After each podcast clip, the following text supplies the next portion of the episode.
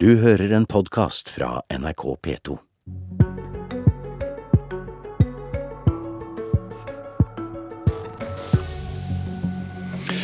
Ti dager før et nytt byråd i Bergen skal være på plass, er det nå plutselig helt åpent om det blir et blått eller rødt styre i byen. Ingen av blokkene har klart flertall. Og Raulf Steen var Arbeiderpartilederen som aldri ble statsminister. Han hevdet han hadde et intimt forhold til Gro Harlem Brundtland i en ny bok som slippes i dag, fem år etter hans død. Ja, Da sier vi god morgen og velkommen til Politisk kvarter mandag. Jeg heter eh, Espen Aas. Ifølge loven må et nytt byråd tiltre i Norges nest største by innen 1.11, som i alle kommuner i landet. Men hvem som skal lede Bergen, se det er høyst usikkert. Lørdag trakk Kristelig Folkeparti seg fra forhandlingene med Arbeiderpartiet, Venstre, MDG og SV. I går hadde de møte med Høyre, Frp, Bompengepartiet og Pensjonistpartiet. Verken blå eller rød blokk har flertall, og det vil dermed være opp til Senterpartiet å innsette et nytt byråd. Og der er det i øyeblikket usikkert hvor de vil lande. Harald Viktor Hove, du er byrådslederkandidat for Høyre i Bergen. Hvor nært føler du selv du er til å bli Bergens neste byrådsleder, etter samtalen med KrF i går? Vi har hatt gode samtaler eh, med alle de partiene som nå satte seg ned. Det var, litt, eh, det var en ventesituasjon at det var vanskelig å få til noe på venstresiden. Men mange partier skal bli enige, og de har et uavklart flertall. De vil være avhengig av Rødt uansett. Det var vanskelig for KrF, og det er klart at nå er det enda vanskeligere. fordi at Roger Valhammer fra Arbeiderpartiet vil være avhengig av at både Rødt og eventuelt Senterpartiet må støtte hans byråd. Vi trenger støtte fra Senterpartiet, og har selvfølgelig et håp om at de skal bestemme seg for å bruke den makten de nå har fått, den innflytelsen de nå har fått også i Bergen, til å søke makt for politisk gjennomslag, som de har gjort i landet for øvrig når de vant valget eh, for over en måned siden. Men hva har du å by både KrF og eventuelt eh, Senterpartiet som eh, ikke Arbeiderpartiet kan? Vi har muligheten til å finne en løsning hvor vi bygger bybane videre til Åsane, men hvor vi ikke bygger den over Bryggen. Det er et stort og viktig tema. Ikke minst for Senterpartiet, som eh, før valget sa at dette var en folkeavstemning om Bybanen skulle gå over Bryggen eller i tunnel. Vi kan gi dem den løsningen de ønsker, samtidig som vi kan forsikre KrF om at vi kan bygge Bybanen videre. Og det er klart at eh, Vi har også et eh, stort nært fellesskap med både KrF og Senterpartiet, etter min mening vi bygger samfunnet nedenfra. Vi er opptatt av tjenester nært der folk bor. Og jeg tror også at vi kan finne løsninger på den store utfordringen, nemlig at folk føler de betaler for mye for å bo i Bergen. Både i bompenger og skatter og avgifter mm. for øvrig. Og Men... Familiepolitikk, der er vi også enige. for at eh, Den store saken til Arbeiderpartiet har jo vært eh, gratis SFO som et steg på vei til heldagsskolen. Og der er også Senterpartiet og KrF enige med oss om at eh, vi må sørge for at de som ikke har råd til å gå i SFO, skal få hjelp til det, men at vi nå gjør dette til sak om hele skolen. Okay. Noen, noen ting vi kan gjøre til det felles grunn om. Samtidig så inviterte du også Senterpartiet til uh, samtaler i helgen, men uh, de møtte ikke opp? Nei, de har behov for å gå en runde i eget parti. og Det var også uavklart hva slags avklanger de hadde gitt til andre siden. Så i Bergen er det fortsatt uavklart. Det er selvfølgelig beklagelig overfor bergenserne nå over en måned etter valget, men samtidig så er det jo eh, en mulighet da, til å finne en god og utviktig løsning på høyresiden. Noe jeg har ønsket og invitert til siden valget eh, for over en måned siden. Men den høyresiden er også litt av en eh, regnbuekollisjon. Det er eh, bl.a. Pensjonistpartiet, det er Bompengepartiet, og det er deg, og det er eh, Fremskrittspartiet. Hvordan preger det forhandlingene? Dere er jo, eh, altså, eh, Bompengepartiet er jo nå blitt byens tredje største parti. Det som nok eh, kom ut av de samtalene som egentlig bare skulle vare en time, altså det sitter i tre timer, og det var ikke fordi det var vanskelige samtaler, men fordi at man oppdager gjerne det, at etter en lang valgkamp hvor man er steil på og sitt, og kanskje snakker gjennom avisene, og man får et inntrykk av at her er det umulig å snakke sammen, så er det noe med at etter et valg så kan man trekke pusten, sette seg ned og oppdage at det er større enighet, større likhet og kanskje også en større vilje til å finne løsninger når støvet har lagt seg for valgkampen. Og Det var kanskje det som KrF oppdaget når de satte seg i samtalene våre. og Det har jeg også en formening om at det vil Senterpartiet oppdage hvis de velger oss. Men jeg har full respekt for at de må gå runder i sitt parti Fordi at For deres del så vil det være å venne seg til Høyre være en ny situasjon i Bergen. Men for å si det sånn, etter dette valget så har vi veldig mange nye situasjoner i Bergen. Og Da må vi sørge for å finne en god situasjon for bergenserne, som gjør at vi får et styringsdyktig byråd. Og det har jeg ønske om å gjøre. Klokka tikker. Det er uh, altså ti dager igjen til uh, et nytt byråd må være på plass. Uh, hva skjer videre i dag? Nei, Vi har videre dialog med de partiene som samlet seg og hatt en samtale. Vi er enige om at vi skal ha nye samtaler. Vi jobber selvfølgelig med å, å, få Senterpartiet til å komme til den konklusjonen at de kan sette ned med oss og se ut hva kan vi få til. Og Så må man da kunne konkludere raskt på om man går videre i forhandlinger om en politisk plattform. og at vi skal da få en plattform, plattform som gjør at man kan etablere et byråd. Det kan være et mindretallsbyråd med Høyre, KrF og Senterpartiet, eller det kan være en annen konstellasjon. Uansett så vil vi avklare at det er forankring og flertall for den politikken som føres, og det er det viktigste. Og så tjener bergenserne svar. og Jeg syns at den andre siden har brukt så uhorvelig lang tid på å bli enige, og så ble de ikke enige nå på lørdag, og KrF så seg nødt til å gå ut. Okay. Da syns jeg også at det må være mulig for oss å få en mulighet til å sette ned og ta reelle samtaler. Vi får se hvordan det går. Takk skal du ha, Harald Viktor Hove, byrådslederkandidat for Høyre i Bergen. Beklager litt dårlig mobillinje der. Vi inviterte Arbeiderpartiets byrådslederkandidat Roger Valhammer til sendingen. Han besvarte ikke NRKs henvendelse, mens KrFs forhandler Håkon Pettersen og Senterpartiets Ove Sverre Bjørdal begge takket nei til å delta. Men Frøy Gudbrandsen, politisk redaktør i Bergens Tidende. Det meste kan nå skje, skrev du i en kommentar i egen avis i helgen. Går det an å si noe om hva som er mest sannsynlig? Jeg syns det er ganske vanskelig faktisk å si hva som er mest sannsynlig. Eh, det som er helt klart, er at eh, det blir ekstremt vanskelig for Roger Valhammer å finne et stabilt alternativ på venstresiden. Og så er det ikke kjempelett heller for eh, Harald Viktor Hove på høyresiden å finne et uh, stabilt alternativ.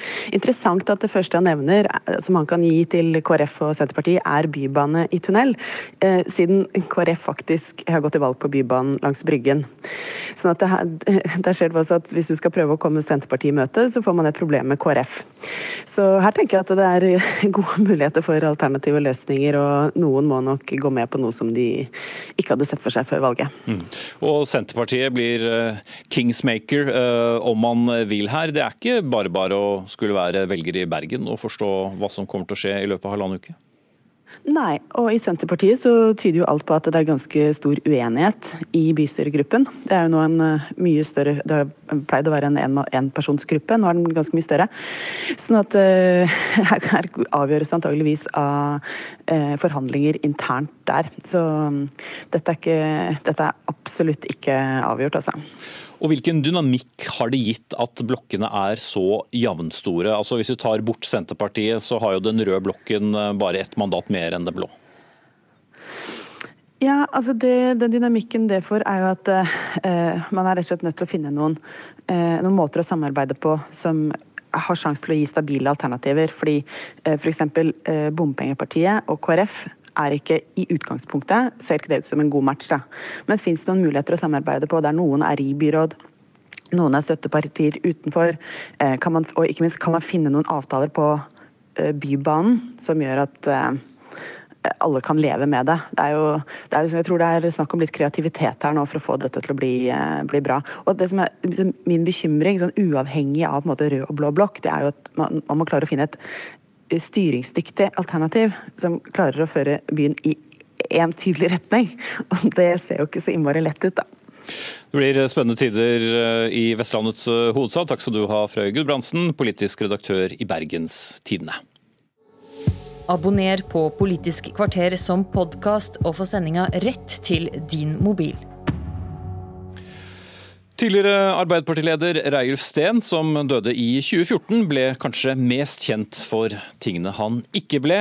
Han er den eneste avgåtte Arbeiderpartileder siden 1924 som ikke ble statsminister. I dag slippes en om lag 500 sider lang biografi forfattet av deg, Hans Olav Lahlum, og det kanskje mest oppsiktsvekkende i boken er når Steen sier til deg at han hadde et romantisk forhold til Gro Harlem Brundtland, noe hun avviser i, i samme bok. Likevel har du valgt å bruke en del plass på dette. Hvorfor var det viktig? Det er sånn at Når du skriver en biografi av den typen, så er det noen spørsmål du vet du vil få. Det er noen spørsmål du vet at de aktuelle leserne av boken vil forvente å få et svar på så langt det er mulig i boken.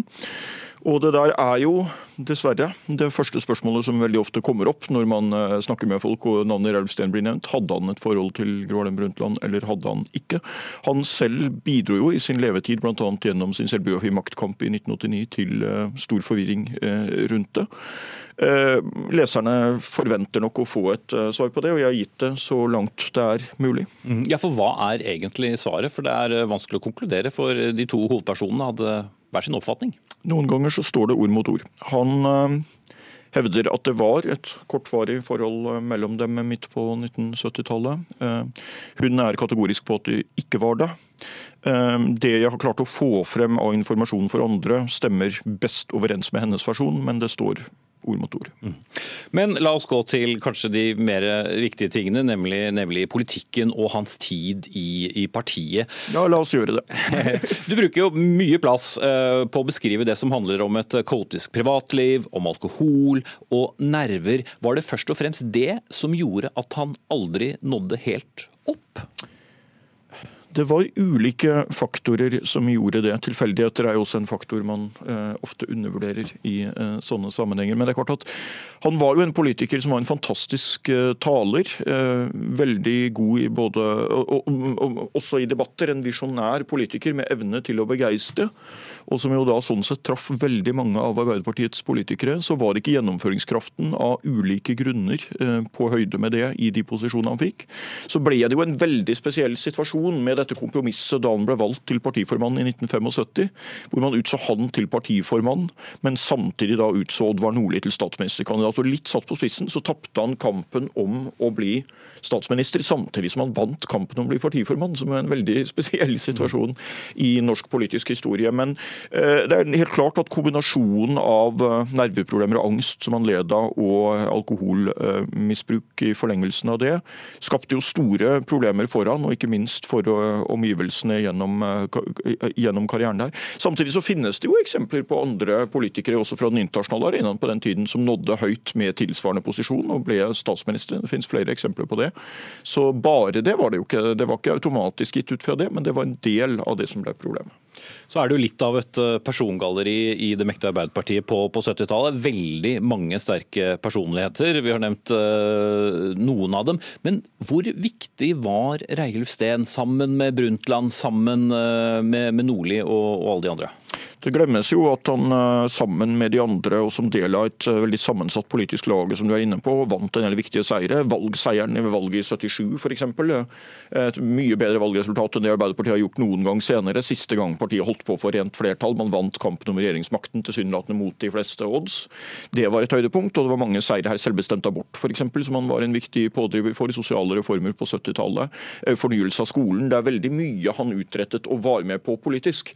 Men han hadde aldri det eierskapet på den måten at han satt som statsråd over lang tid for et departement og gjennomførte store endringer og liksom eh, fikk navnet sitt skrevet inn i historien sånn sett som faren til den og den. Han ble utenriksministeren Norge aldri fikk, skriver du helt på slutten av, av boken. Ville det endret mye hvis han faktisk hadde endt opp i en så viktig post? Eh, det får vi jo eh, aldri vite. Eh, nå var det jo hans eh, gode venn Knut Frydenlund som har gått på linje med ham, som ble det i den aktuelle situasjonen. Han ble en aldeles utmerket utenriksminister, og det var liten politisk forskjell på de. Den største største betydningen Raul Steen fikk for ettertiden, fikk han nok for Arbeiderpartiet. Og den var kanskje at han klarte å holde partiet samla gjennom en veldig krevende fase i årene etter EFA-stemningen og gjennom 1970-tallet, hvor det kunne ha blitt en for partiet mye mer alvorlig splittelse enn det ble. Mm. Raul Steen eh, gikk bort etter at eh, Arbeiderpartiet tapte valget i 2013. Jonas Gahr Støre ble ny eh, leder, og Steen uttaler seg veldig kritisk til han. Hva, hvorfor var Raul Steen så kritisk til at Jonas Gahr Støre skulle overta Arbeiderpartiet? Ja, dette handler om noe veldig sentralt hos Raulstein, nemlig klasseidentiteten. Og Det er litt paradoksalt, fordi han var en av de som åpnet Arbeiderpartiet og liksom sa at vi må ta inn nye unge, vi må få inn funksjonærene, vi må få inn akademikerne, vi må ikke bare være et parti for industriarbeidere og skogsarbeidere. Men samtidig så ble han veldig skeptisk selv når de da kom og ville ha toppverv i partiet. Så ble han alvorlig bekymra. Hans analyse var jo at det var en ny, eh, en ny type toppklasse uten de samme røttene i arbeiderbevegelsen som overtok etter at han gikk av som partiformann i 1981, og da ble han nødt til å ikke stille til gjenvalg eh, da. Og Jonas Gahr Støre ble for ham eh, et urovekkende utslag av det. Han var veldig opptatt av at Jonas Gahr Støre mangla den klassebakgrunnen, eh, og det gjorde han jo så til de grader. Og så verdsatte han da Han hadde vanskelig med å se det positive i det med at en person med en helt annen klassebakgrunn liksom viste et sterkt engasjement for arbeiderbevegelsen og gikk inn der og gikk helt til topps i partiet. Politisk kvarter er over. Jeg heter Espen Aas. Du har hørt en podkast fra NRK P2.